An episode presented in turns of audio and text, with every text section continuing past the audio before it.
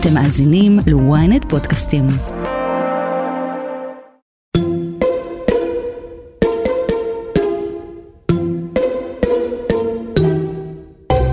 ערב טוב לכולם. ראשית כל, אני רוצה להביע תודתי, הערכתי לשרת החינוך יפעת שאשא ביטן, וכמובן למזכ"לית הסתדרות המורים יפה בן דוד. החודש לפני שנה, אוגוסט שעבר, נפל דבר בישראל. איווט ליברמן ויפעת שאשא ביטון, שהיו אז שרי האוצר והחינוך, הכריזו על מהפכה היסטורית, לא פחות, להקלה על מורי והורי ישראל. זה חג גדול למערכת החינוך כולה, זה חג גדול לתלמידי ישראל, זה חג גדול להורים, ואני חושב שזה חג גדול למשק ישראלי כולו. הם ישבו במסיבת עיתונאים חגיגית ומלאת חיוכים יחד עם המזכ"לית של הסתדרות המורים יפה בן דוד, ובישרו על הסכם שכר חדש לעובדי ההוראה, ועל לוח חופשות שלראשונה יותאם כמה שיותר לצרכים שלנו, ההורים. אני שמחה שאנחנו נמצאים בנקודת הזמן הזו רגע לפני פתיחת שנת הלימודים, באווירה חגיגית ועם הסכם שבאמת נותן אופק ויציבות למערכת החינוך. כאב לחמישה וברגע של ייאוש, הצצתי בימים האחרונים באתר משרד החינוך כדי לראות איך חיי הולכים להשתנות. אלה הממצאים. במקום ימי חופש מיותרים באיסור חג ובל"ג בעומר, קיבלנו ימי חופש מיותרים בין יום כיפור לסוכות. אני אישית דווקא מבסוט על כל רגע עם הילדים, המשפט הזה כמובן נאמר למקרה שהם בטעות מאזינים לפרק הזה, אבל האם מישהו ירגיש בכלל את השינוי? הוא באמת יקל על ההורים? והאם באוגוסט הבא הם יהיו פחות מתוסכלים? אני קובי נחשוני, וזאת הכותרת.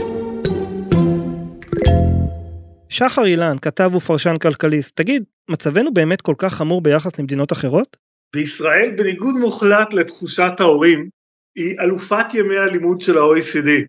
עכשיו, היא לא סתם אלופה, כלומר, בישראל יש בין 220 ל-230 ימי אה, לימוד בשנה, כשהשנייה אחרינו, יפן, היא בהפרש של עשרה ימי לימוד מאיתנו. ממוצע ה-OECD הוא בסביבות המאה ה-70. צרפת, ארץ החופשות הבלתי נגמרות, נמצאת הרבה למטה מזה. עכשיו, יש לזה סיבה אחת בולטת, והיא שלנו יש עוד 37 ימי שישי. למה 37 ימי שישי? כי חלק מהימי שישי ממילא בתוך החופשות. אבל גם אם נוריד את ה-37 ימים האלה, לא נגיע למצב של אה, אנחנו אלופי החופשות של ה-OECD. גם אם נוריד אותם, נהיה בממוצע. דהיינו, בישראל יש הרבה מאוד ימי לימוד, והסיבה לתחושה של ההורים של חופשות אינסופיות של הילדים שמטילות עליהם עומס עצום, היא שונה לגמרי. אז למה אנחנו מתבכיינים באמת? אנחנו לא מתבכיינים סתם, אנחנו מתבכיינים בצדק. אנחנו מתבכיינים משתי סיבות. אחת היא חוסר ההתאמה המוחלט בין ימי החופש של הילדים ושל ההורים. בסופו של דבר, החופש לא מעיק כשהוא מתאים לחופשות של הילד, ומעיק כשהוא לא מתאים. כלומר, לנו יש דברים אבסורדיים כמו שבוע וחצי חופש לפני פסח, או המצב המאוד לא נוח שלנו אין חופש בחול המועד ולילדים יש חופש בחול המועד. עכשיו מעבר לזה ישראל היא מדינה עם מעט מאוד ימי חופשה לעובד. העובד מתחיל עם 12 ימי חופשה שבועיים וזה יכול לגדול עד חודש. ב-OECD, באיחוד האירופי, מקובל שיש הרבה יותר ימי חופשה, מה שמאפשר הרבה יותר התאמה לחופשות של הילדים. כלומר, הבעיה של ישראל היא לא מחסור בימי לימוד, להפך, יש טענות שיש הרבה יותר מדי שעות לימוד בישראל. הבעיה של ישראל היא חוסר התאמה קיצוני בין ימי החופש של הילדים ושל ההורים שלהם. אתה רוצה להגיד לי שבצרפת או במדינות אחרות ההורים יכולים לתמרן מול מקומות העבודה שלהם ב-150-200 יום? לא.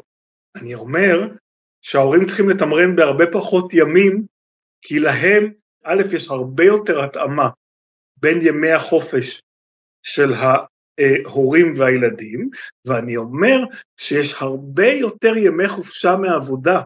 הפער בין כמות ימי החופשה שיש להורה לבין כמות ימי החופשה של הילדים קטן יותר, יש על זה מחקר של מרכז המחקר והמידע של הכנסת אה, מלפני איזה אני חושב שבע שמונה שנים, למרבה הצער מאז הוא לא עודכן, אבל נעשו דברים דומים, והדבר השני הוא באירופה מקובל לתת הרבה יותר ימי חופשה שנתית להורים. כלומר בסוף הבעיה העיקרית שלנו היא בעומס שמוטל על ההורים בגלל חוסר ההתאמה. רק לדוגמה, אם היינו לוקחים את הימי שישי, ממירים אותם בימי חופש אחרים, היינו מקטינים את חוסר ההתאמה הזה דרמטית. אם המורים היו מקבלים חופש בימי שישי, ואז בפסח הם היו יוצאים לחופש בערב ליל הסדר. הרי חופשת אה, פסח נוצרה כדי שהילדות יוכלו לעזור לאימהות להתכונן לפסח. בואו נודה על האמת, אני לא יודע איך זה אה, במגזר שלך, אבל במגזר הלא דתי זה לא קורה. מה שקורה זה שהאימהות... כמו, כמו שחופשת הקיץ הייתה כדי שלבנים יוכלו, הבנים יוכלו לקצור בשדה עם האבות. כן, ואני חושב שהקציר הזה לא קורה כבר לא מעט זמן, יתרה מזאת, אני כשהייתי ילד הייתי נוסע לקיבוץ של אחותי והייתי משתתף בקטיף ודברים כאלה, אני מבין שהיום אפילו זה די קשה ליישום מסיבות ביטוח. אז בסוף החופש הוא מצב שבו ההורים צריכים להעסיק את הילדים.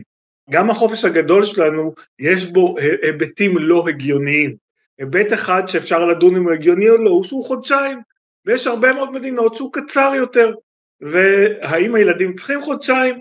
לא בטוח, אבל זה גם לא כזה, זה גם לא כזה בלתי אפשרי. השאלה אם המורים צריכים חודשיים. בוא, אין שום דבר קדוש יותר בתנאי העבודה של המורים מהחודשיים האלה.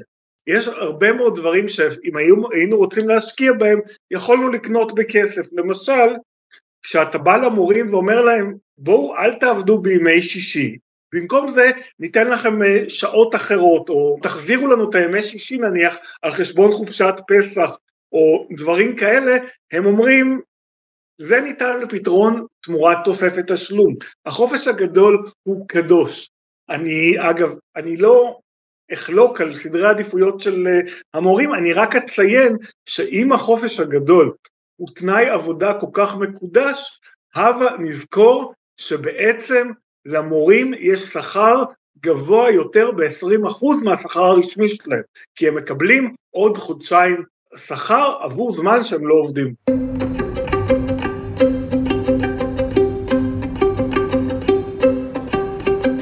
אז נכון שיש פער אדיר בין ימי החופשה של העובדים לאלה של התלמידים, אבל למה את הכעס שלנו אנחנו מפנים למשרד החינוך ולארגוני המורים? זה התפקיד של בית הספר? להיות הבייביסיטר של הילדים כדי שאנחנו נוכל לעבוד? הודעה קצרה, ומיד חוזרים. בזמן שאתם שוטפים כלים, סיימתם עוד פרק בספר. עברית. חדש באפליקציית עברית, ספרים קוליים, דרך חדשה לנצל את הזמן ולהפוך את השגרה לחוויה מרתקת. אז בואו ליהנות מאלפי ספרים להאזנה שמחכים רק לכם. פשוט לקרוא בכל דרך, עברית.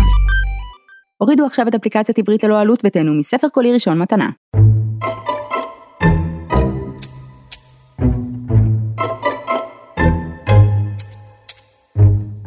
אוגוסט רק התחיל וכבר קשה לי לספור כמה אלפי שקלים הפסדנו אשתי ואני מאז תחילת החופש הגדול כי היינו צריכים למצוא סידור לילדים או פשוט כי נאלצנו לוותר על עבודות. לפעמים הקטנים באים איתנו ליום כיף בעבודה, כולל כאן באולפן הכותרת, אבל בימים שבהם יוקר המחיה משתולל, איך אפשר לצפות מההורים לספוג את המחיר הכלכלי של החופש? אני כמנהל בית ספר, והייתי 17 שנים מנהל בית ספר, באתי לחנך, לא באתי להיות הבייביסיטר של הילדים שלכם. זה הרב שי פירון, שר החינוך לשעבר וכיום נשיא תנועת פנימה. לא באתי לפתור את הבעיות שלכם בעולם העבודה, באתי ללמד, וכחלק מתהליך הלמידה, ילדים צריכים חופשה, והחופשה היא חלק מהתהליך החינוכי. תרשה לי לומר, סביר, אה, עם כל הכבוד, ילדתם ילדים, אתם גם צריכים לדאוג להם לפעמים, הכל בסדר. יכול להיות שבכלל צריך להיות שינוי במנגנון ימי החופשה של ההורים. אז מה היית מציע? ההצעה שלי מתחלקת לשלושה חלקים. החלק הראשון הוא אה, הוספת ימי אה, חופש להורים, סדר גודל של שבעה ימים בשבוע לכל אחד מההורים, יוסיף שבועיים, פתרון מספר אחד. פתרון מספר שתיים, מה שבמירכאות כבודות המצאתי, בתי ספר של החופש הגדול. אבל לצערי, בתי ספר של החופש הגדול נעצרו אה, בכיתה ד', בזמן שבעצם התוכנית המקורית הייתה שכל שנתיים הצטרפו שתי שכבות, ובעצם אם התוכנית הייתה נמשכת היום, מגן הילדים ועד כיתה ו', לכל ילד שנת הלימודים הייתה מוארכת דה פקטו בשלושה שבועות. והדבר השישי שצריך לעשות, זה שהחברה למתנסים והיזמים הפרטיים תיאסר עליהם ה- ה- היכולת להפעיל קייטנות בשלושת השבועות הראשונים שבהם עובד בית ספר של החופש הגדול, והם יוכלו להתחיל את הקייטנות רק מהשבוע האחרון של יולי ועד אמצע אוגוסט. והנה תראה קובי איך אני ואתה פתרנו בשנייה את הבעיה. טוב, לא ברור כמה המשק באמת יכול לעמוד בעוד שבעה ימי חופש בשנה לכל עובד, ובו מדינה עם כלכלה חופשית לא יכולה לאסור על הפעלת קייטנות פרטיות שיתחרו בבית ספר של הקיץ. אבל בוא נעזוב רגע את החלומות ונחזור למציאות. מה לא עובד בהסכם ההיסטורי הזה שנחתם בשנה שעברה? למה ההורים מרגישים שאין ולא יהיה כאן שינוי אמיתי? מנהיגות, הבנה חינוכית, הכרזות טרם זמנם ופוליטיקה קטנה. אבל אני אומר לך עוד פעם, הפתרון הוא ברור, יש רק פתרון אחד. ואני אגיד לך עוד יותר מזה, אפילו השר בנט בכהונתו כשר חינוך, מתוך קשר שיש בינינו, ניסה הרי לומר שבתי ספר של החופש הגדול צריכים להיות גם בתי הספר של החגים. בעצם ברמה המהותית אפשר לייצר סיטואציה שבה ילדים ילכו לבית ספר, ילדים שמעוניינים גם בחנוכה וגם בחלק מהימים של פסח. יש מנגנון, אני בניתי את המנגנון הזה. בניתי אותו, הוא קיים. פשוט צריך להשתמש בו.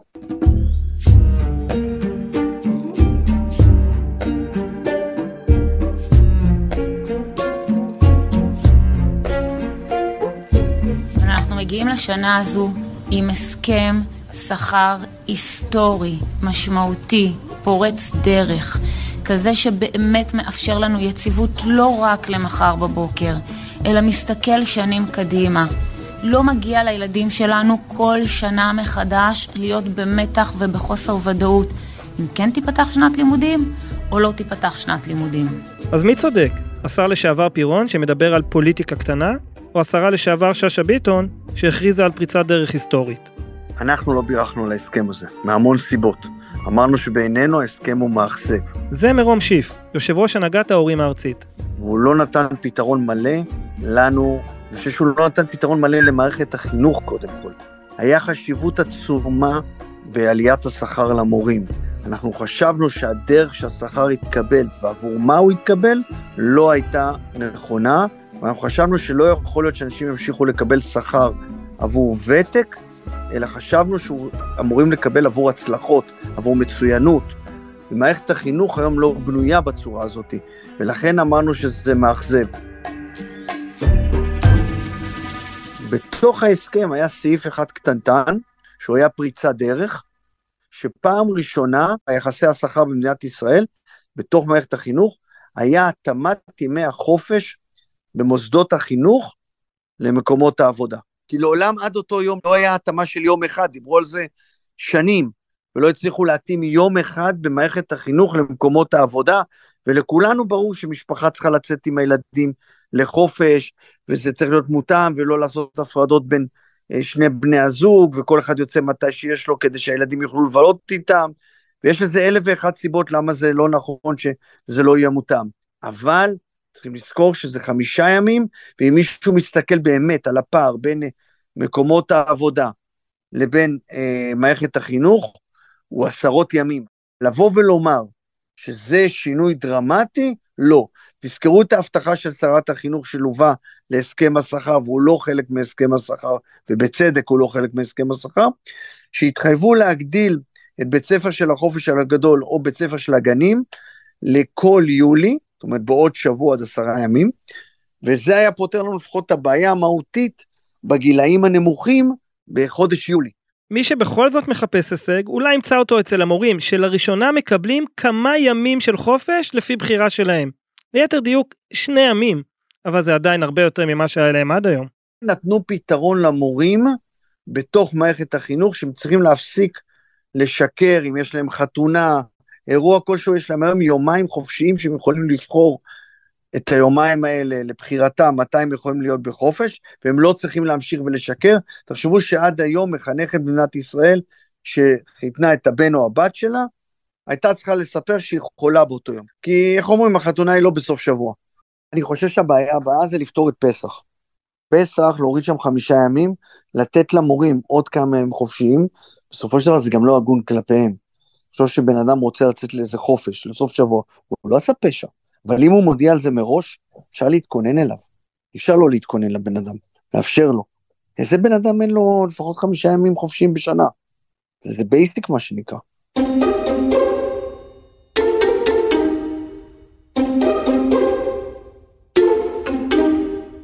אז למה בית הספר של החופש הגדול לא הורחב? לא תאמינו, בדיוק בגלל מה שאמר הרב שי פירון, פוליטיקה קטנה.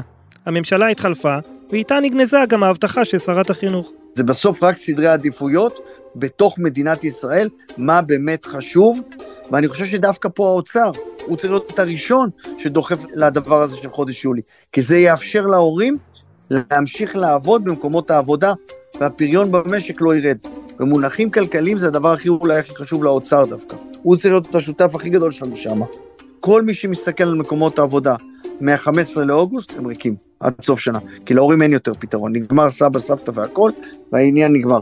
לא צריכים להסתכל רק על המעמד העליון, הוא גם מקבל הרבה יותר ימי חופש.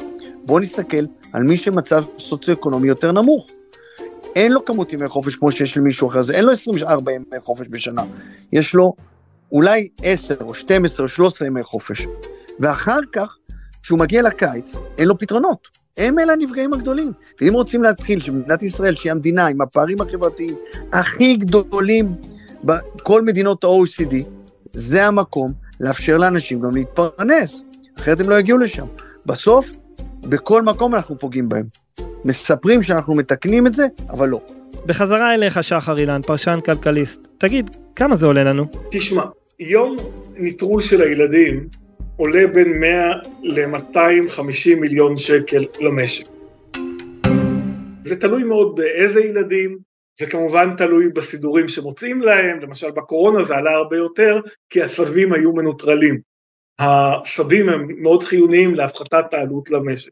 אז מה היה ההיגיון הכלכלי מאחורי ההחלפה של איסו חג בימים אחרים? למה האוצר תמך בזה? אני מניח שהאוצר סבור שימים בודדים גורמים למשק יותר נזק מחופשה מסודרת קצת יותר ארוכה. כאילו יום בדל הרבה יותר קל להשלים.